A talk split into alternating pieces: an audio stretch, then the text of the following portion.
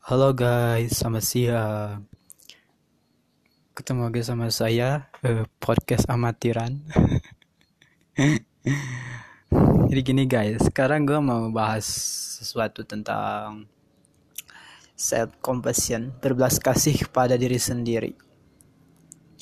Eh apa sih self compassion ini adalah si self compassion adalah berbelas kasih terhadap diri sendiri bisa menjadi konsep yang asing bagi beberapa orang terutama bagi kita yang tumbuh dalam lingkungan egois, individualis, abusif, negatif maupun destruktif di mana kasih sayang bahkan sering dipertanyakan eksistensinya.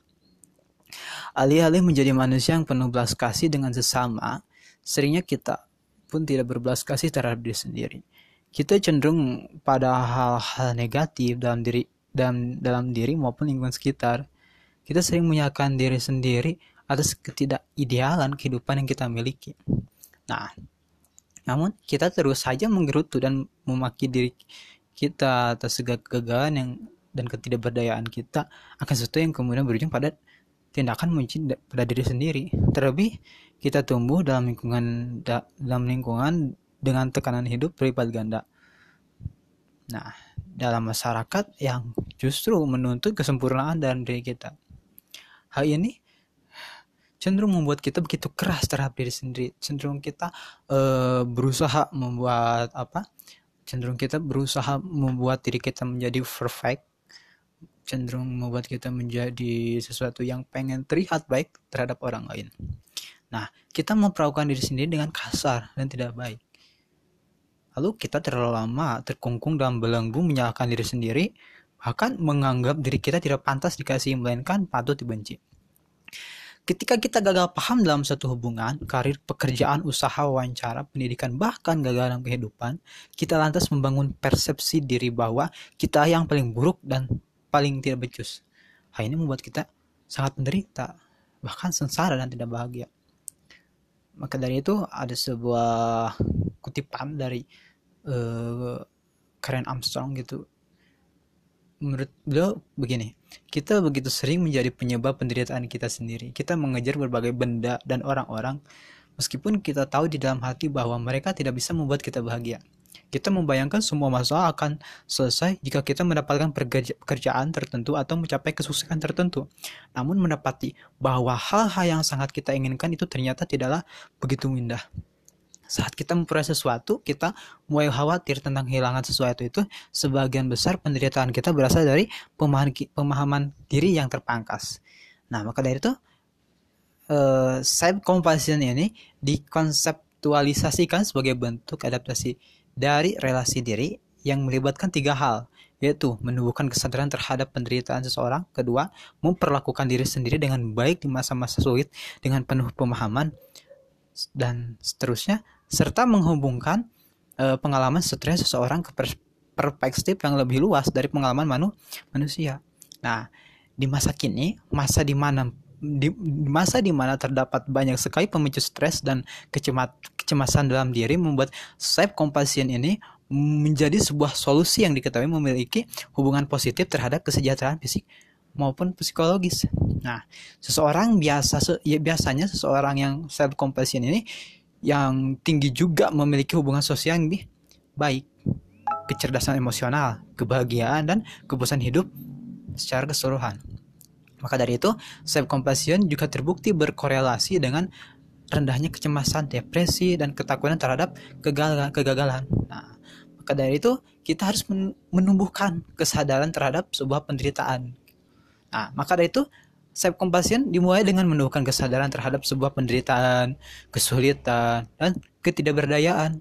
Kita tidak bisa menjadi manusia yang compassionate kecuali kita mampu menyadari penderitaan yang dialami oleh seorang.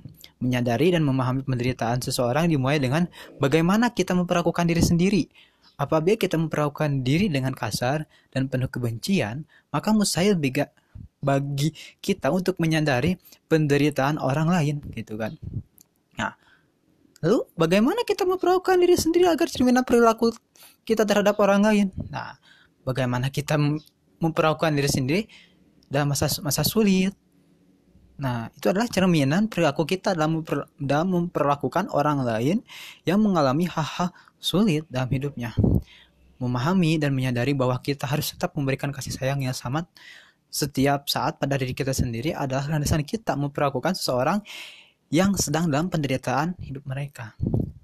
Nah, makanya self compassion adalah sebuah cara yang harus kita lakukan untuk tetap berlaku baik terhadap diri sendiri. Alih-alih mengkritik tajam diri sendiri, self judgment atau uh, atas sebuah kegagalan atau ketidakberdayaan diri, kita memilih untuk tetap memberikan kebaikan, pengertian dan belas kasih terhadap diri sendiri dengan penuh pemahaman. Nah, pemahaman bahwa penderitaan, kegagalan, ketidakmampuan, ketidaksempurnaan adalah bagian dari pengalaman semua manusia. Maka dari itu, menghubungkan pengalaman buruk dengan perspektif yang lebih luas. Nah, berbakat dari pemahaman bahwa kegagalan adalah bagian dari pengalaman hidup setiap orang, self confession memberikan kita kesadaran bahwa mengutuk serta mengkritik diri sendiri saat mengalami kegagalan adalah hal yang tidak perlu kita lakukan sebenarnya. Ini karena setiap orang mengalami penderitaan dalam bentuk masing-masing. Setiap orang adalah manusia yang biasa, yang tidak sempurna dalam ren dan rentan melakukan kesalahan. Kegagalan dan ketidakberdayaan diri adalah pengalaman hidup yang dialami setiap manusia sebagai bagian dari perjalanan hidupnya. Maka dari itu, apabila kita mengalami suatu penderitaan dalam bentuk apa pun, perlu kita pahami bahwa penderitaan adalah bagian dari pengalaman hidup semua manusia dan bukan sesuatu yang hanya terjadi pada diri kita sendiri.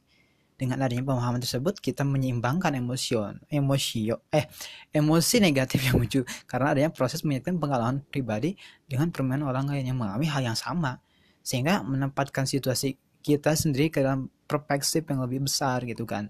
Nah pemahaman ini akan membawa kita membawa membawa kita pemikiran bahwa tidak hanya kita yang bermasalah sulit tapi juga orang lain nah bagaimana kita memperlakukan diri sendiri dengan baik di masa-masa sulit?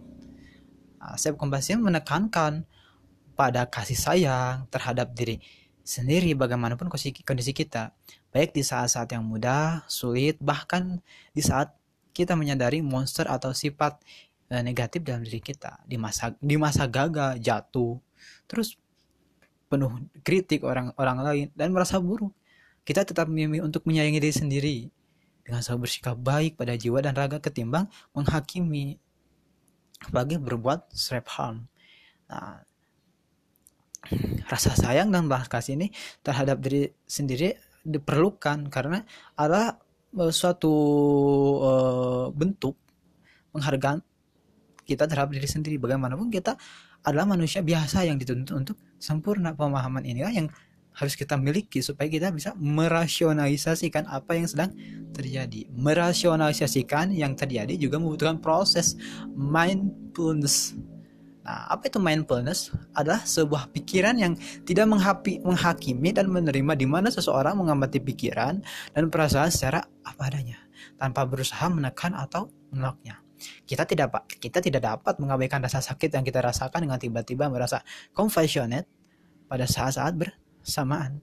Mindfulness tidak berarti kita over identification terhadap pikiran dan perasaan kita sehingga kita terjebak oleh reaktivitas yang negatif. Akan tetapi menerima itu semua secara apa adanya tanpa menghakiman dalam bentuk apa pun. Nah di masa-masa sulit memang ter, di masa-masa sulit memang terdengar tidak mudah untuk kita mengidentifikasi mana perasaan dan pikiran yang kita besarkan gitu kan namun, tidak ada sahnya untuk kita mengubah cara pandang kita menjadi lebih sehat. Kita bisa membuat self-confession kapan pun.